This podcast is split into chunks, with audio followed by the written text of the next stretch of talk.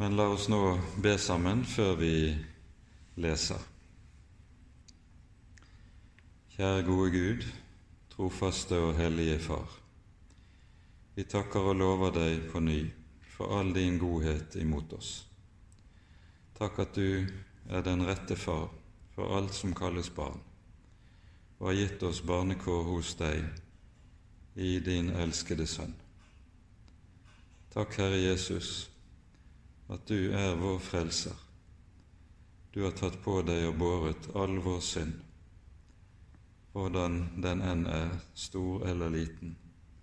Alt har du båret, og alt har du sonet i din store godhet imot oss.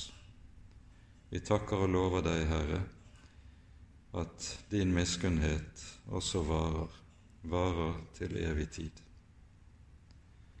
Så ber vi, gode Herre, at du vil være hos oss med din ånd i kveld. Gi lys i ordet ditt, for at vi også må kjenne deg rett. Takk for ditt løfte. Takk for din store trofasthet. Amen. Sist gang tok vi altså for oss innledningsavsnittet hos profeten Zakaria med de seks første versene, og vi brukte også en del tid på å si litt om situasjonen som eh, Zakaria eh, lever i, den historiske situasjonen. Eh, og vi minner bare ganske kort om at når Zakarias profetiske virke starter, så er dette nøye tidfestet i eh, kapittel 1.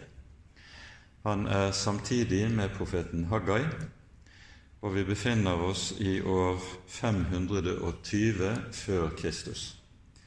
Det er gått en 16-17 år etter at Kyros, kong Kyros av Persia eh, overvant det babylonske verdensriket og ut fra sin tolerante politikk tillot jødene å vende tilbake fra fangenskapet i Babylon og eh, starte på gjenreisningen av tempelet.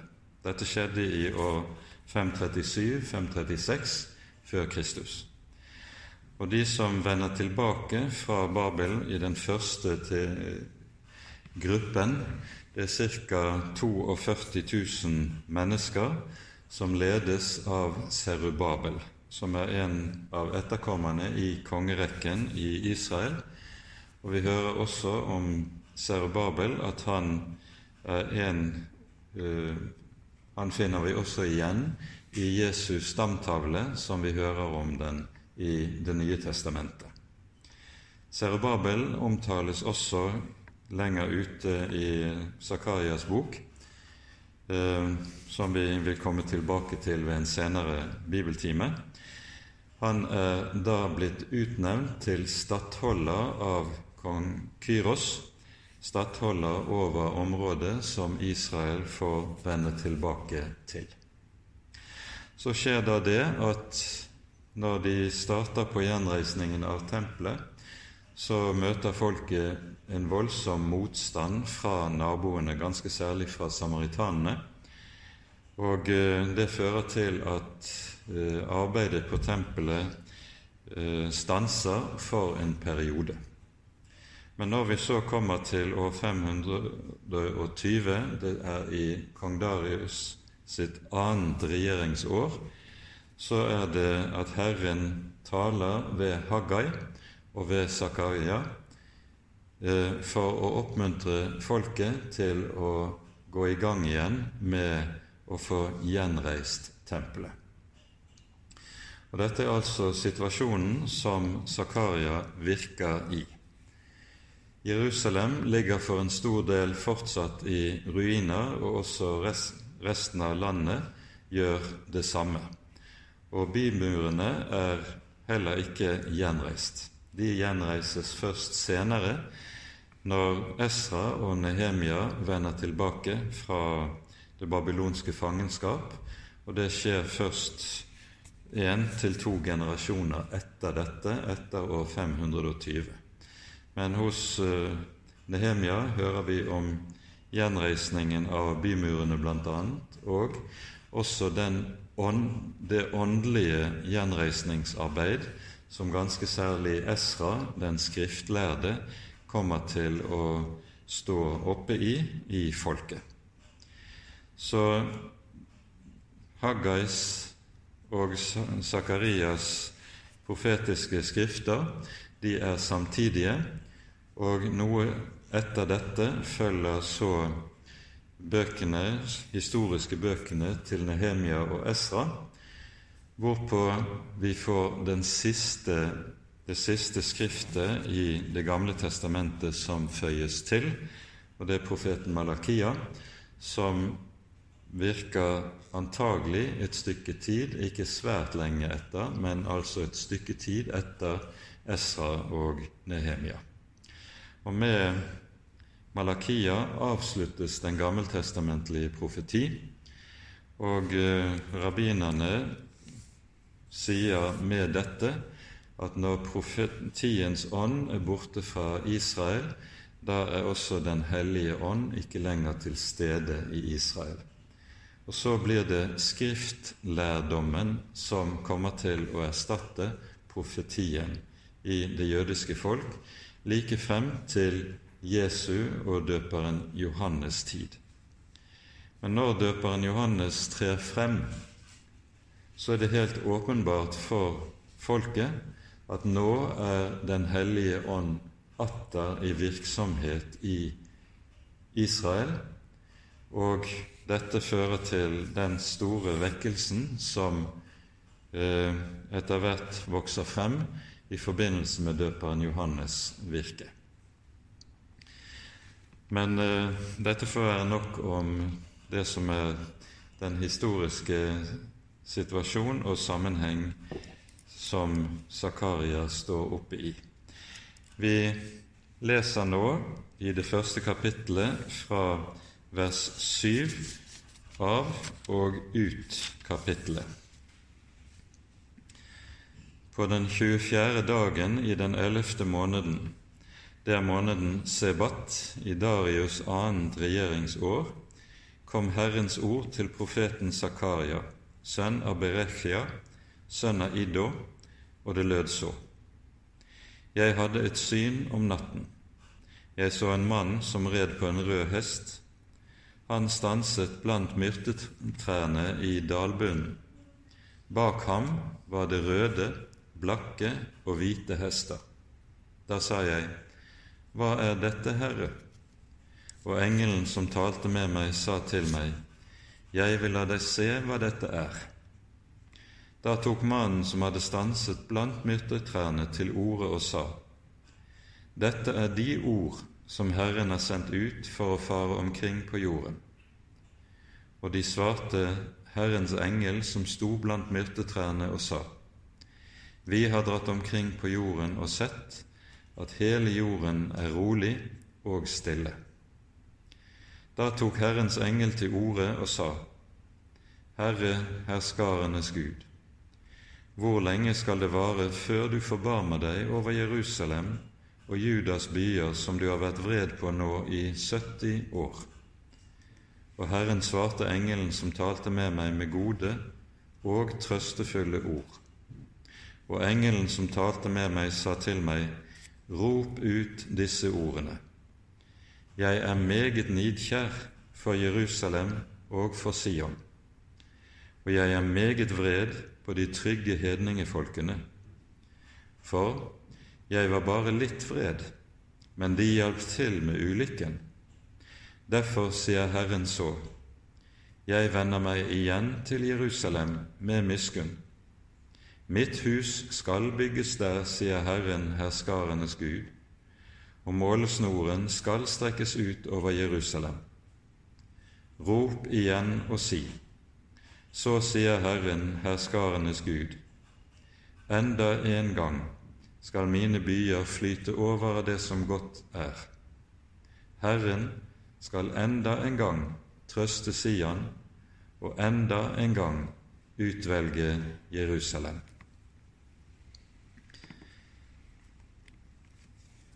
Med dette møter vi det første synet som vi hører om i Zakarias profetiske bok. Det er slik at de seks første kapitlene inneholder åtte syner. Og i det neste kapittel to møter vi to syner til. Så i dag kommer vi altså til å ta for oss de tre første av de åtte synene som vi finner i første halvdelen av boken. Vi hører at dette synet tidfestes meget nøyaktig i eh, vers 7. Og ser du på sammenhengen i, eh, hos profeten Haggai, så tidfe, faller tidfestingen slik at den er nøyaktig på dagen to måneder etter Haggais siste profeti, og nøyaktig på dagen fem måneder etter Haggais første profeti. For Haggais profetier er også nøyaktig tidfestet. Vi befinner oss i det andre regjeringsåret hos kong Darius, ehm, og Synet består i at profeten ser en rytter på en rød hest som etterfølges av flere andre hester. Akkurat eh, dette bildet, eller dette synet, tas opp igjen i Johannes' åpenbaring i det sjette kapittel. Der hører vi om fire ryttere som rir ut i verden på fire hester som er, har fire ulike farger. Ehm, den hvite rytteren rir først ut, og han symboliserer evangeliet. Han rir ut i verden med evangeliet til folkeslagene. Og så er det slik at der denne rytteren, den hvite rytteren med evangeliet, avvises, der kommer folkene i stedet inn under loven og dermed inn under forbannelsens krefter, som symboliseres ved de tre neste rytterne som kommer, på den røde, den blakke og den sorte hesten. Den røde hesten symboliserer krigen som følger, den sorte hungeren og den blakke andre ulykker som pest og annen død. Det er forbannelsens krefter som er virksomme gjennom hele historien overalt der evangeliet forkastes. Til forskjell fra det vi hører slik i åpenbaringsboken, er det her motsatt at rytterne vender tilbake til eh, Herren uten å ha iverksatt noen av disse domskreftene. Når profeten spør hva dette er, så får han til svar at disse er, har eh, faret omkring på hele jorden og sett at hele jorden er rolig og stille. Det som det akkurat dette sikter til, det er at når Darius blir, eh, kommer på tronen, så bryter det ut opprør i det persiske riket. Darius er en handlekraftig mann og en dyktig hærfører, og han slår ned de ulike opprørene nokså raskt slik at i hans annet regjeringsår råder det fred igjen i riket.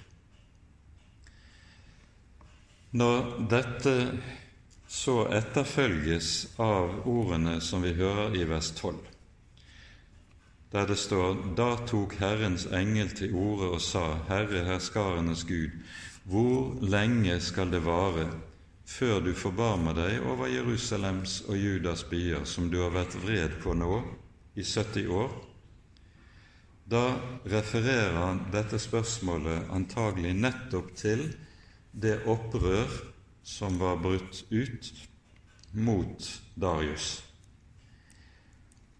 I det både jødene og en rekke andre folkeslag hadde satt sitt håp til at man skulle kunne kaste av åket fra den persiske stormakten og dermed bli fullstendig frie fra stormakten. Saken er jo den at når Persia overtar det som var herredømme over hele Midtøsten med Kyros, så hadde Kyros riktignok et relativt tolerant styre over de erobrede folkeslagene, men de var likevel lydrike under den persiske kongen og måtte svare skatt til den persiske kongen og skattene var slett ikke alltid så veldig lave. Og Dette kunne være et betydelig trykk på folkeslagene som gjorde at behovet for og ønsket om frihet fra overmakten gjorde seg gjeldende. Dette håpet om frigjøring fra den persiske storkongen er altså pulverisert. Og så kommer bønnen og ropet 'Herre, hvor lenge?' Skal vi enda være under åket? Skal vi enda være ufrie? Og Dette er jo faktisk det som forblir Israels situasjon helt frem til Jesu og apostlenes tid. Persia blir, forblir stormakten i hele Midtøsten i 200 år, frem til Persia overvinnes av Alexander den store. Og fra og med Alexander den stores tid så forblir Israel lydrike under de greske herskerne. Så kommer det en kort periode etter Makabea-opprøret i år 167 før Kristus, der Israel klarer å bli fritt, men så kommer det romerske riket inn på arenaen, og Israel blir på ny et lydrike under stormakten. Dette er i all hovedsak det som er og forblir Israels situasjon i hele perioden fra og med det babylonske fangenskapet. Israel oppnår aldri, med unntak av den korte perioden etter makabeerne, frihet. Eh, Israel forblir under hælen av de mektige verdensmaktene. Og Dette er altså det som er bakgrunnen for bønnen. Herre herskarenes Gud, hvor lenge skal det vare før du forbarmer deg over Jerusalem og Judas byer, som du nå har vært vred på i 70 år? De 70 årene som det her er tale om, var vi inne på sist gang de sikter til to ting. For det første er det jo slik at profeten Jeremia, både i det 25. og det 29. kapittelet i Jeremia-boken, så profeteres det at Babels herredømme skal vare i 70 år. Og Babel blir Midtøstens stormakt i år 605 før Kristus, og i år 537-536 er det det babylonske riket går under og erstattes av det persiske. Og da er det gått ca. 70 år. Så 70 år var den tilmålte tiden for det babylonske riket. For det andre er det slik at tempelet i Jerusalem ble jo ødelagt av babylonerne i år 586 eller 587 og tempelet står gjenreist igjen i det sjette året av Darius' regjering, altså i år 516, og da har tempelet ligget i ruiner i 70 år. Så de 70 årene som det her er tale om, de sikter altså til begge disse to forhold i samtiden. Og Profeten Jeremia er den som nøyaktig har tidfestet både fangenskapet under Babylon og tempelets ødeleggelse. Så kommer Guds svar på spørsmålet. Herren svarte engelen som talte med meg, med gode og trøstefulle ord. Trøsten som det her er tale om, det er den samme som vi møter allerede fra kapittel 40 av i Jesaja-boken. En del av Jesaja-boken som jo nettopp begynner med ordene 'Trøst, trøst mitt folk'. Tal vennlig til Jerusalem, rop til henne at hennes strid er endt, at hennes synd er betalt, at hun av Herren har fått dobbelt for alle sine misgjerninger. Det er denne tråden som tas opp av profeten Zakaria. Og det trøstefulle i dette er både løftet om at Herren nå vil ta seg av sitt folk, og budskapet som lyder i de påfølgende vers, er dobbelt. For det første er det budskap om at Herren vil vende sin hånd imot hedningefolkene som har ødelagt Israel.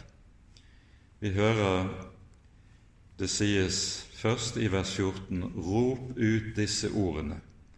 Jeg er meget nidkjær for Jerusalem og Sion. Ordet nidkjær er et meget viktig ord i vår bibel når det taler om hvem Herren er.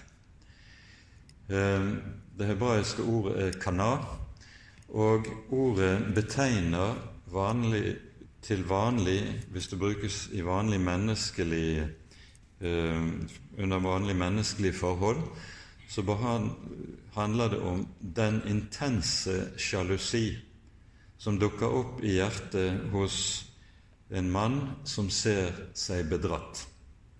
Hans ektefelle har bedratt han og vært troløs med en annen, og så kommer sjalusien, en brennende nidkjærhet som vokser frem i det indre. Israel er Herrens trolovede og har vært troløs med de mange avguder Fangenskapet har ført til en dyp omvendelse i store deler av folket. Og Så lover Herren at han på ny vil ta sitt folk til ekte, og nå brenner hans nidkjærhet mot alle de som har ødelagt folket i stedet. Og så sies det:" Jeg er meget vred på de trygge hedningefolk for jeg var bare litt vred, men de hjalp til med ulykken. Det som vi her er inne i, det behandles mer utfyllende i det tiende kapitlet i Jesaja-boken. Når det taler om de trygge hedningefolk, så er ordet trygghet det er et begrep som betegner den sterke Eh, selvsikkerhet, den store makt eh, som hedningene har, den store selvtilliten som de har når de overfaller Guds lille folk og ser ned på Guds lille folk med den dypeste forakt. Denne selvtilliten beskrives i eh, Jesaja-bokens tiende kapittel Eh, der det i denne sammenhengen er tale om eh, det asyriske verdensriket, som jo forårsaket Nordrikets undergang. Og så taler Herren på samme måte som han har talt mot Babylon, slik vi har sett det hos Zakaria, mot Asyria i Jesaja-bokens tiende kapittel. Og her leser vi fra vers 5. Herren sier, Ved Assur, min vredes ris. Min harme er staven han har i sin hånd. Mot et gudløst folk sender jeg ham, Mot et folk jeg er vred på, byr jeg ham av fare, for å røve og plyndre og tråkke ned det som tråkke det ned som avfall i gatene. Altså, Asyria er Guds redskap, Guds historiske redskap til å straffe og å dømme sitt folk. Men så fortsetter Herren med å si men slik mener ikke han, slik mener altså ikke den asyriske kongen. I sitt hjerte tenker han ikke slik. Nei, han har lyst til å ødelegge. Han har lyst til å utrydde mange folk, for han sier, er ikke mine høvdinger konger alle sammen? Er det ikke gått Kalno som Karkemish? Er det ikke gått Hamat som Arpad? Er det ikke gått Samaria som Damaskus? Min hånd har jo nådd de andre gudenes riker, enda deres utskårne bilder overgikk Jerusalems og Samarias. Skulle jeg da ikke kunne gjøre det samme med Jerusalem og dets gudebilder, slik som jeg har gjort med Samaria og dets guder? Og så hopper vi til vers 13 i samme kapittelet. Assur sier, Ved min hånds kraft har jeg gjort det, ved min visdom, for jeg er forstandig. Jeg har flyttet folkeslags grenser, og skattene deres har jeg plyndret. I mitt velde støtte jeg ned dem som satt i høysetet.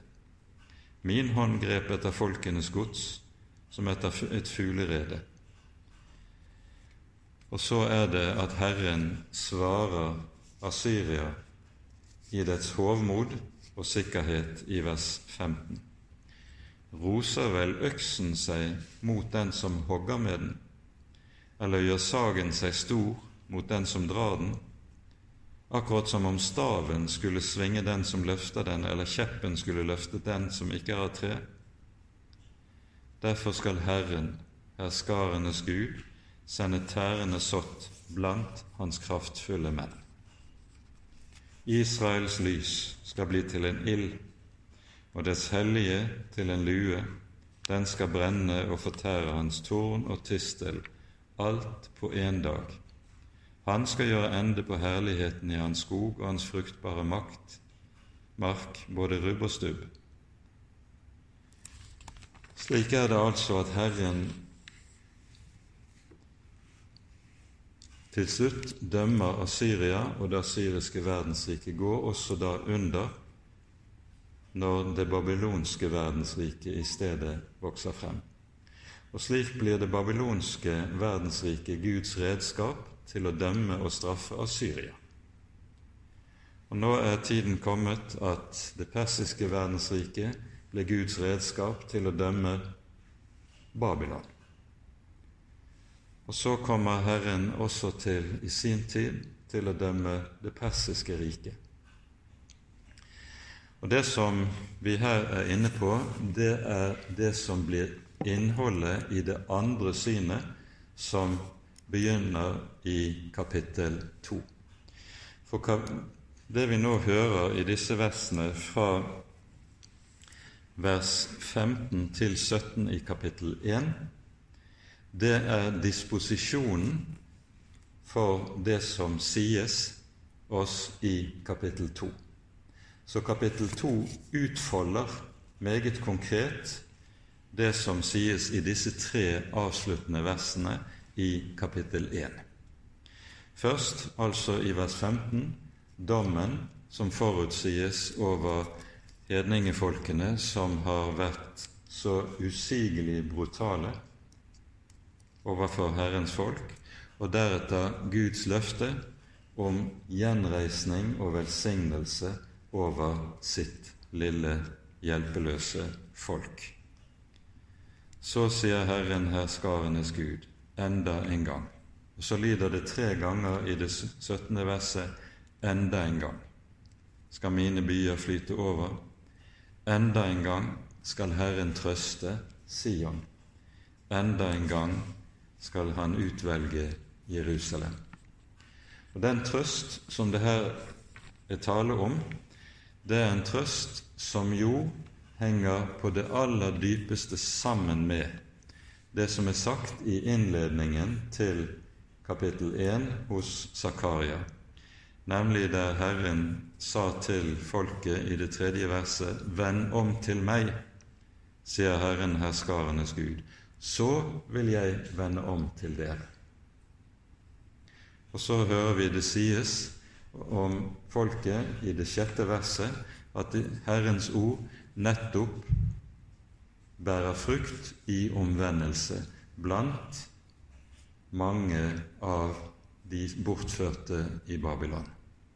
Og så er trøstens tid kommet. Herren trøster ikke de som ikke vil vende om, men de som vender om, for dem skal trøsten bli rik. Med dette har vi pekt på altså det som er disposisjonen over det vi hører i det andre kapittelet. Og vi går nå inn i kapittel to i Sakarias bok. Og Da er det slik at de fire første versene de handler om dommen over folkeslagene, mens resten av kapittelet, fra vers 5 til 17, handler om Herrens løfte om velsignelse over sitt folk. Og det, så Hoveddelen av kapittelet er altså en utfoldelse av det som sies meget kort i de to siste versene i kapittel 1. Så det er viktig å være oppmerksom på denne sammenhengen mellom de to kapitlene. Først altså de fire første versene jeg løftet mine øyne og fikk se fire horn. Da spurte jeg engelen som talte med meg, hva er dette? Og han sa til meg, dette er de horn som har spredd Juda, Israel og Jerusalem. Så lot Herren meg se fire smeder.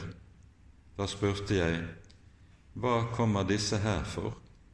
Og han svarte, hornene har adspredt Juda slik at ingen våget å løfte hodet. Og nå er disse kommet for å forferde dem og slå av hornene på de hedningefolk som løftet horn mot Judaland for å adspre folket. Hornet er et meget vanlig eller gjennomgående bilde i Det gamle testamentet. Hornet er et bilde på styrke og makt, ofte på brutal styrke, men når det taler om det at Herren vil løfte sine frommes horn, så er det tale om den styrke som Guds barn får gjennom frimodigheten som springer ut av troen på Guds løfter. Når det taler om hedningenes horn, så er det som regel tale om at de har makt og utøver sin makt med stor brutalitet. Hornet er eh, villoksens horn, eller bøffelens horn, og bøfler, slik de var det du finner dem i Afrika og i Asia, de er så veldige at selv løvene frykter for dem. Det dette bildet som altså anvendes når det taler om fire horn. Så er det tale om folkeslagene fra de fire verdens hjørner, som alle har vendt seg mot Israel.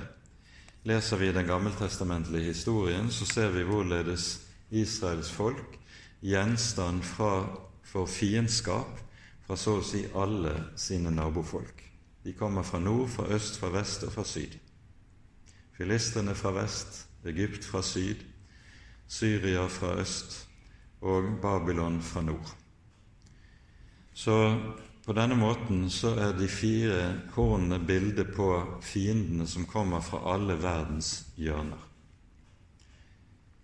De navngis ikke bestemt fordi det er unødvendig i denne sammenheng. For bildet handler om at Herren så sørger for å sende de fire smedene ut som hogger hornene av, så de ikke lenger kan skade Herrens folk. Hva disse fire smedene er, det er helt uvesentlig. Poenget er at de er Guds historiske redskaper i ulike situasjoner til å gjøre ende på de ugudeliges, på hedningefolkenes makt, og på denne måten å utfri sitt eget folk. Og Med dette er vi jo inne i noe av det som er helt sentralt i hele Det gamle testamentets profetiske budskap, nemlig at Gud er historiens herre. Han styrer historiens gang, folkeslagenes vekst og fremvekst og folkeslagenes fall. Han er historiens herre. Og han bruker og styrer og leder historien slik med tanke på dom og på frelse. Dette er helt konsekvent Guds ledelse av historien, og profetene har fått den rolle i Det gamle testamentet at de gir oss Guds tolkning av historiens løp.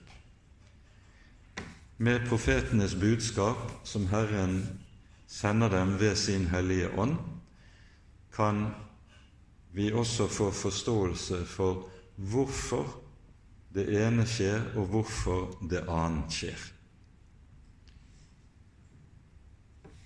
For oss er situasjonen annerledes. Vi er ikke i den stilling at vi har profeter som kan tolke vår samtidshistorie for oss. Derfor kan vi ikke få gi alltid noe særlig gode svar når vi møter spørsmålet 'Hvorfor skjer slik?' og 'Hvorfor skjer slik?' Men det som Bibelen er helt klar på, det er at Gud er historiens herre også i dag. Nettopp det er grunnleggende i hele åpenbaringsbokens budskap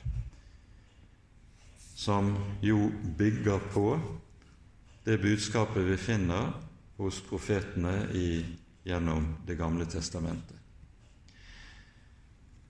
Grunnloven for uh, Guds historiske styre det er gitt i, allerede i 5. Mosebok i kapittel 28, der Herren taler om velsignelsen og forbannelsen som han vil sende inn over folket, folkets liv og folkeslagene sitt liv. Og for velsignelsen og forbannelsen er avhengig av hvorledes folket stiller seg til Herrens ord. Der Herrens ord forkastes, der trer forbannelseskreftene i historien inn. Der Herrens ord tas til hjertet og folket vender om, der trer velsignelsens krefter inn i historien. Dette er så å si Grunnloven som er gitt i 5. Mosebok 28.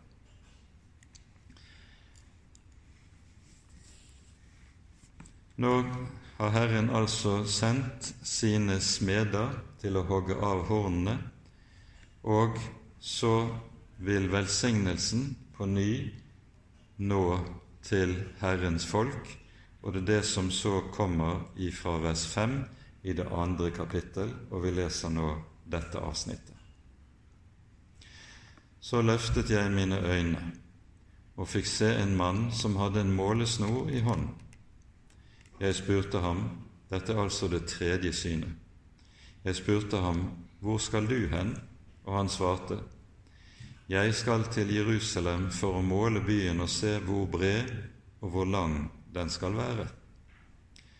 Og se, engelen som talte med meg, kom frem, og en annen engel kom mot ham, og han sa til ham, Løp av sted og si til den unge mannen der, Jerusalem skal ligge fritt og åpent, fordi det bor en slik mengde mennesker og fe der.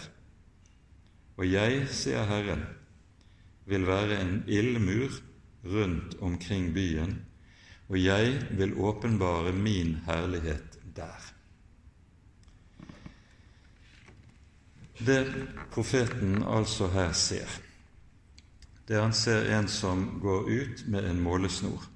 Det er det en byggmester gjør når han skal reise en bygning eller en mur. Han måler det til for å få nøyaktig mål på hvorledes det hele skal gjøres. Så trer engelen, en engel frem og får beskjed om å løpe av sted til han som med går med målesnoren, at det kan han bare gi opp.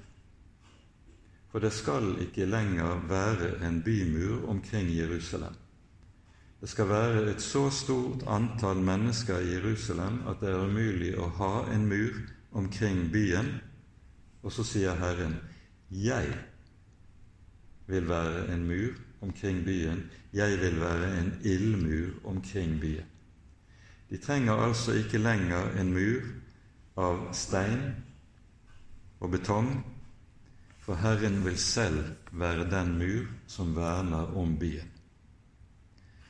Dermed så pekes det frem mot en tid som langt, går, går langt utover det som vi ser oppfylles i og med hjemvendelsen fra Babylon.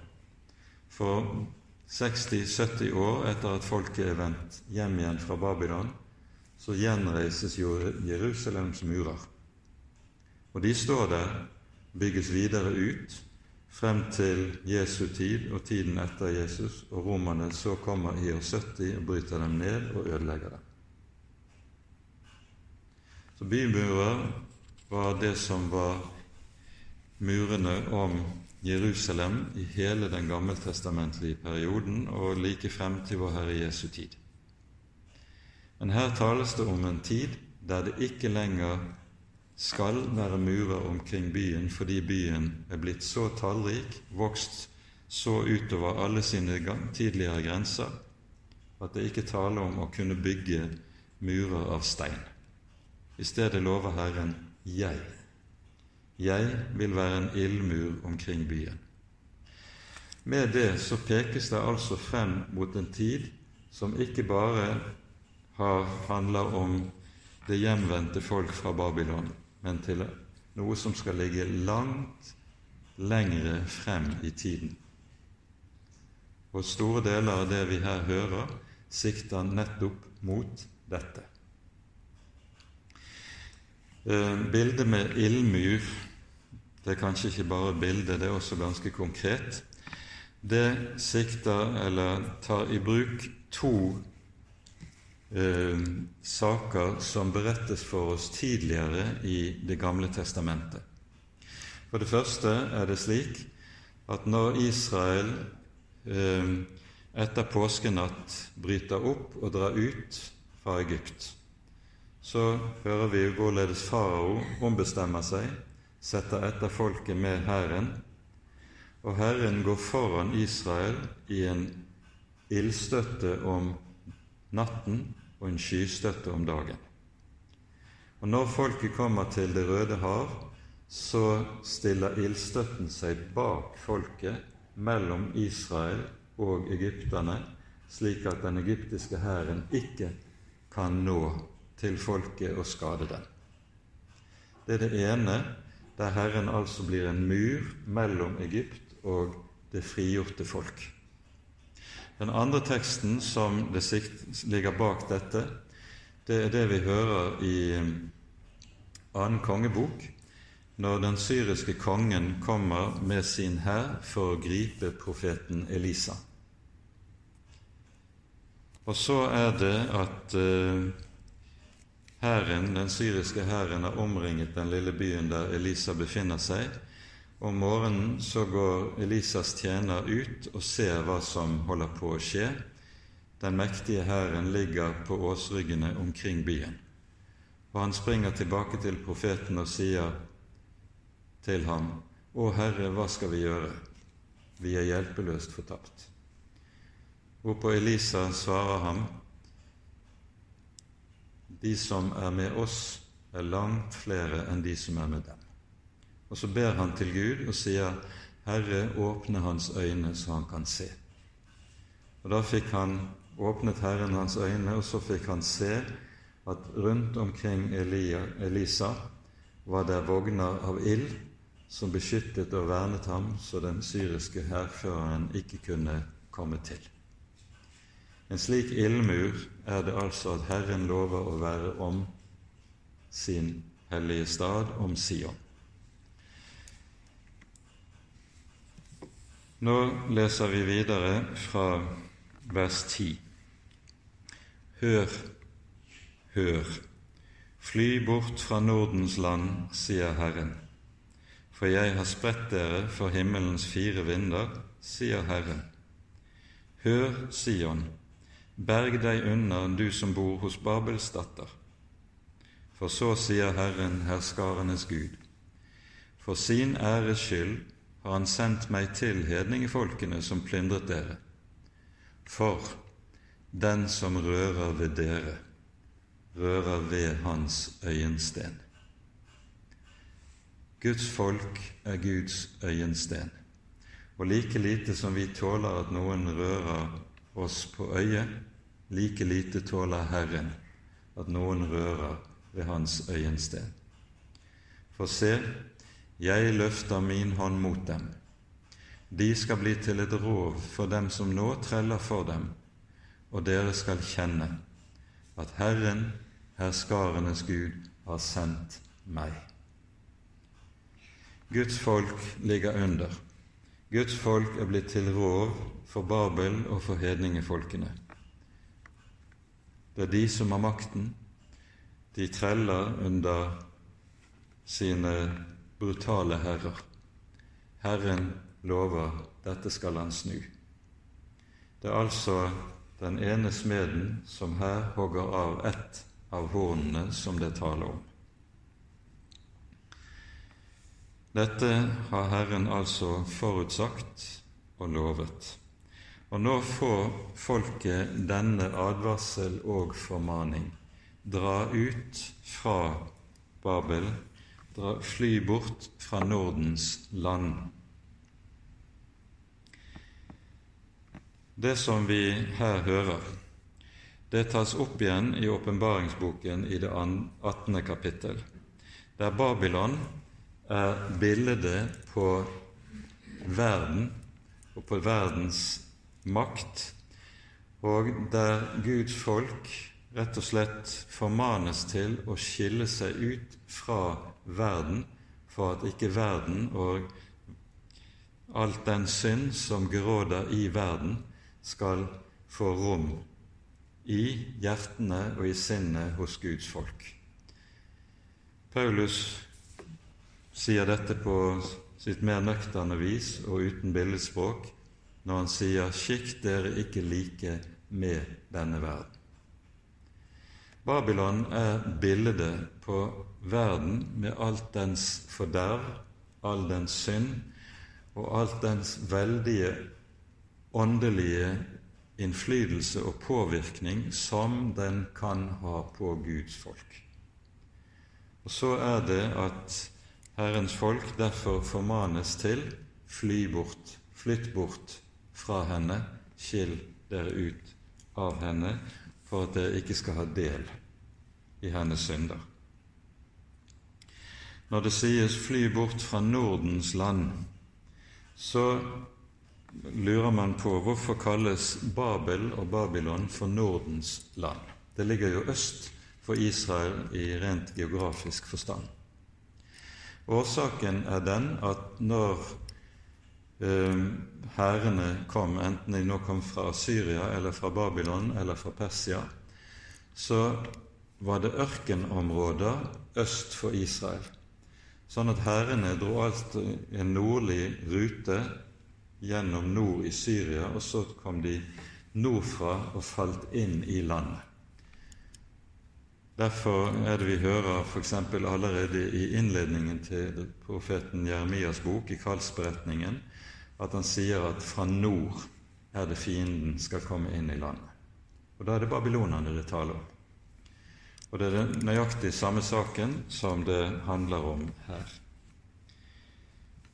Så sier Herren at det er Han som har adspredd folket for himmelens fire vinder.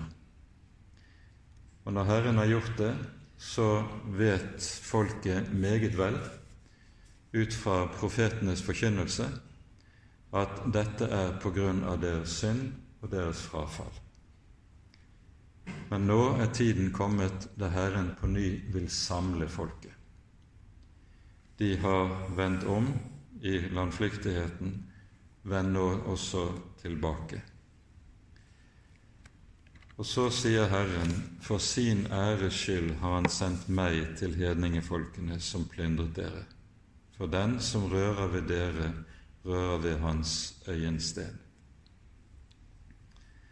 Og så lyder det til profeten, til folket via profeten, dere skal kjenne, dere skal kjenne at Herren, herskarenes Gud, har sendt meg. Og Med det er vi kommet til siste delen av kapittel to. Og her ser vi hvorledes Zakaria løfter blikket og ser langt utover den samtid som han lever i, der det ikke lenger kun handler om tilbakevendingen fra Babel i bokstavelig forstand, men det handler om den fremtid der også Jerusalem skal ha den herlighet som det var pekt på tidligere. Vi leser fra vers 14. Fry deg høylig og gled deg, du Sions datter, for se, jeg kommer og vil bo hos deg, sier Herren.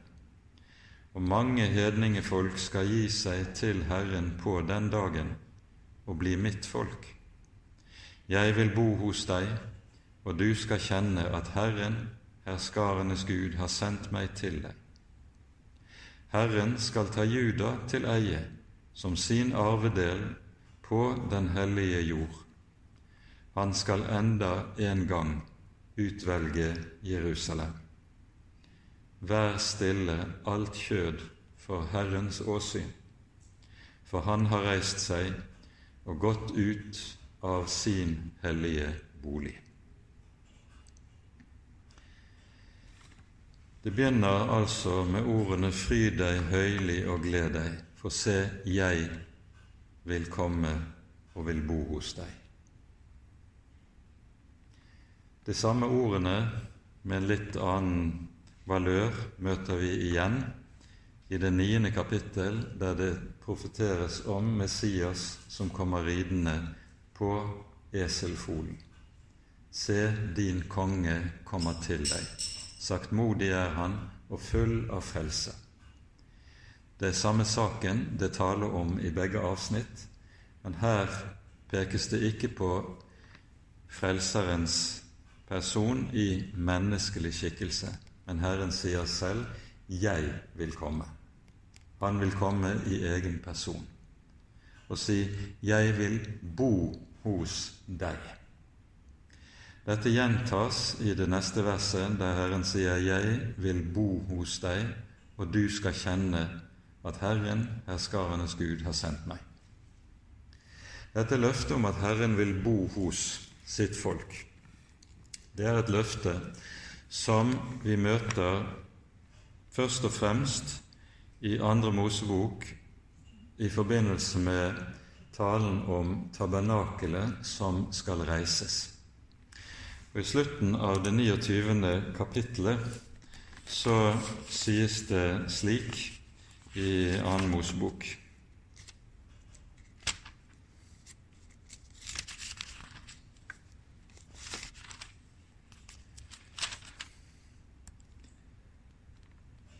Herren sier der, altså i helligdommen, i tabernaklet, der vil jeg komme sammen med Israels barn, og teltet skal helliges ved min her herlighet.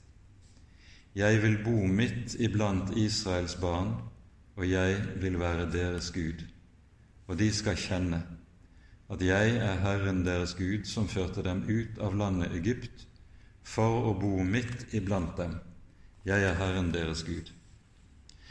Det som er viktig med dette avsnittet i 2. Mosebok 29, det er at Herren knytter sitt løfte om å bo i sitt folk til tabernaklet, nemlig det sted der det skjer soning for synd.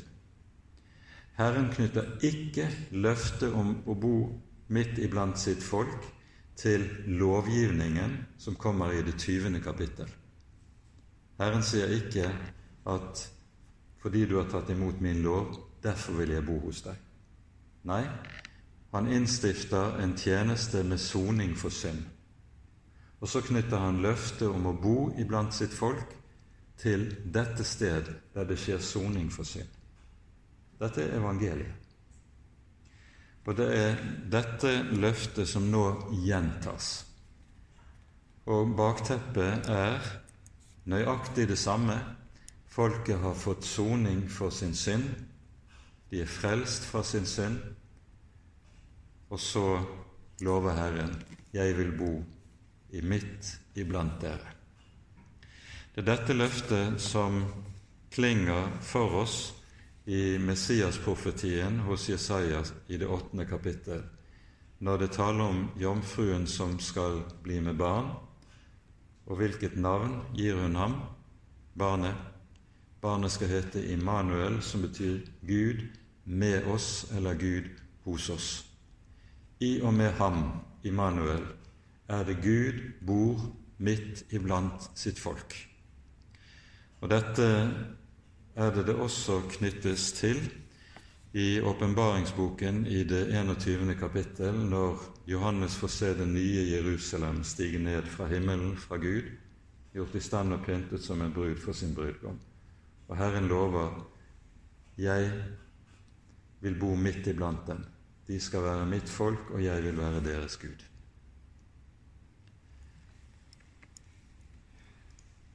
Men så lyder det også her mange hedningefolk skal gi seg til Herren på den dag. Guds hensikt med utvelgelsen av Abraham, det var det som vi leser i Første Moseboks tolvte kapittel. I deg skal alle jordens folkeslag velsignes. Dette er hensikten med at Gud skaper seg sitt folk, Israels folk. Israels folk skal være det er satt til å være det vitne for Herren som bringer lyset til folkeslagene. På grunn av sin synd så blir det motsatte tilfellet for Israels folk. Og så kommer Han som er den inkarnerte Gud, og oppfyller og gjør det som Israel egentlig var kalt til å gjøre. Mange hedningefolk skal gi seg til Herren på den dagen. Med dette hører vi løfter som gjentas en rekke ganger gjennom hele Den hellige skrift. Ganske særlig er det profeten Jesaja som uh, understreker hvorledes Messias skal bli til et lys for folkeslagene. Men jeg vil i denne sammenheng gjerne peke på en spesiell salme i Salmenes bok, nemlig Salme 87. Det er en salme som handler om Jerusalems fremtidige herlighet. Ehm, det er en kort salme, bare syv vers. Og vi hører løftet som gis til denne byen, til Herrens by. Det sies slik Den by Han, Herren, har grunnfestet, står på de hellige fjell. Herren elsker Sions porter fremfor alle Jakobs boliger. Herlige ting er sagt om deg, du Guds by, Sela. Jeg nevner Rahab og Babel blant dem som kjenner meg. Se, Filisterland og Tyrus sammen med Etiopia, denne er født der. Om Sion skal det bli sagt, hver og en er født der, og han, den høyeste, gjør det fast. Herren skal telle når folkene blir oppskrevet, og si:" Denne er født der. Og alle de som synger og spiller på fløyte, skal si:" Alle mine kilder er i deg. Her er det tale om alle som har sin borgerrett i Jerusalem, på Sion. De har sin borgerrett i kraft av én sing de er født der.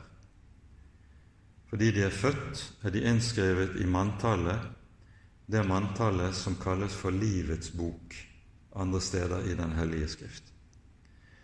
Og Dette er en av de tekstene vi har i Det gamle testamentet som gir tydelig beskjed om den gjenfødelse som Jesus taler om i Johannes evangeliets tredje kapittel når han samtaler med Nikodemus. Og, og der hører vi babylonere, egyptere, folk fra Tyros og Sidan og filistere. De skal fødes på ny og få borgerrett i Herrens by. Det er dette som Zakaria også taler om i denne sammenheng. Og det er noe av dette som gjør at Jerusalem skal nå til et omfang som gjør at vanlige bymurer er aldeles uaktuelt å reise om byen. Det er Herren selv. Og så ser vi og forstår vi at her er det tale om noe som er langt mer enn ytre historisk oppfyllelse. Her er det tale om det fremtidige Guds rike, der det er i dypeste forstand det himmelske Jerusalem som er det egentlige Jerusalem. Paulus taler om det i Galatane 4. Det Jerusalem som er der oppe, det er vår mor. Og Det står da i motsetning til det jordiske Jerusalem som ligger i trelldom med sine barn. Vi hører det sies i det 16. verset. Herren skal ta Juda til eie som sin arv på den hellige jord. Dette er det eneste sted i Det gamle testamentet der det taler om hellig jord. Og uttrykket kommer fra en annen tekst som jeg tror dere husker godt. Det er Moses som står for tårnebusken, og Herren sier til ham:" Dra din sko av din fot, for det sted du står på, er hellig grunn. Hvorfor er det hellig grunn? Fordi Herren er der. Det er ingen jord som er hellig i seg selv, men det helliges ved Herrens nærvær. Og Herren har sagt og lovet 'Jeg vil bo der'. Dette er tankegangen. Når det sies til slutt 'Han skal enda en gang utvelge Jerusalem', så sikter det til at ved Israels omvendelse så stadfestes den utvelgelse som Herren har gjort av sitt folk ifra fordør. Det er en stadfestelse av det kall som han har gjort. For sine nådegaver og sitt kall angrer han ikke på, skriver Paulus i Romerbrevets ellevte kapittel. Så slutter kapittelet med ordene Vær stille, alt kjød, for Herrens åsyn, for Han har reist seg og er gått ut av sin hellige bolig.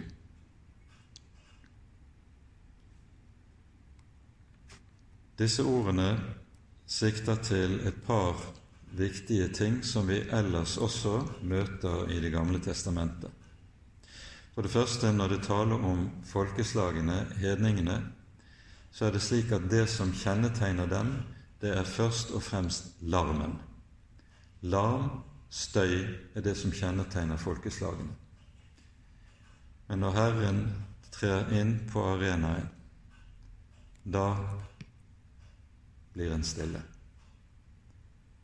Hvorfor larmer hedningene og grunner folkeslagene på det som forfengt er, lyder det i Salme 2, som en sammenfatning av det som kjennetegner jordens folkeslag i hedenskapet. Nå, når Herren er kommet, når Herren har reist seg, vær stille, alt kjød for Herren. Og så sies det for Han har reist seg. Det at Herren reiser seg, det er noe vi hører ganske særlig i Salmenes bok som bøn, et bønnerop. Når folket er i nød, eller når David er i nød, sånn som du f.eks. hører det i salme, salme 3 eller i salme 9, så roper David til Herren og sier, Herre, reis deg, kom meg til frelse. Når Herren reiser seg, så betyr det da skrider han til handling. Når Herren reiser seg, så er det uttrykk for at han ikke er likegyldig til sine barns lidelse, til det de må gå igjennom av smerte og nød. Herre, reis deg, lyder bønneropet. Og nå er det nettopp det som har skjedd. Herren har reist seg. Han skrider til handling. Og så er det at disse ordene kanskje får sin aller sterkeste sammenfatning i den 46. salmen i Salmenes bok. Vi rekker ikke å lese hele denne salmen, men et par vers leser vi herfra. Den begynner med ordene Gud er vår tilflukt og vår styrke, en hjelp funnet overmåte stor i trengsel. Derfor frykter vi ikke, om jorden vakler, om fjell skakes i havets hjerte, om dets bølger bryter og bruser, om fjell skjelver ved dets overmot. Guds folk trenger ikke å frykte fordi Herren, Herren er vår tilflukt og vår styrke. Og Han bor i den hellige byen, slik vi leser det. Gud er midt i den, den skal ikke rokkes. Gud hjelper den når morgenen bryter frem. Så kommer det litt lenger nede i salmen, fra vers 10. Han, Herren, gjør ende på krigene over hele jorden. Han bryter buen i stykker, hogger spydet av, stridsvognene brenner han opp med ild. Hold opp og kjenn at jeg er Gud. Vær stille for Herren, all jorden, for han har reist seg. Leste vi hos Zakaria. Her står det Hold opp og kjenn at jeg er Gud. Jeg er opphøyet blant folkene, opphøyet på jorden. Herren, herskarenes Gud, er med oss. Jakobs Gud er vår faste borg. Sela. Og Slik henger disse tekstene sammen i vår bibel og kaster lys over hverandre. Med det setter vi punktum for dagens bibeltime. Neste bibeltime blir om fire uker. Den bibeltimen som er satt opp om to uker, må utgå. Ehm, men om fire uker samles vi, og da går vi gjennom det tredje kapittel i Sakarias bok.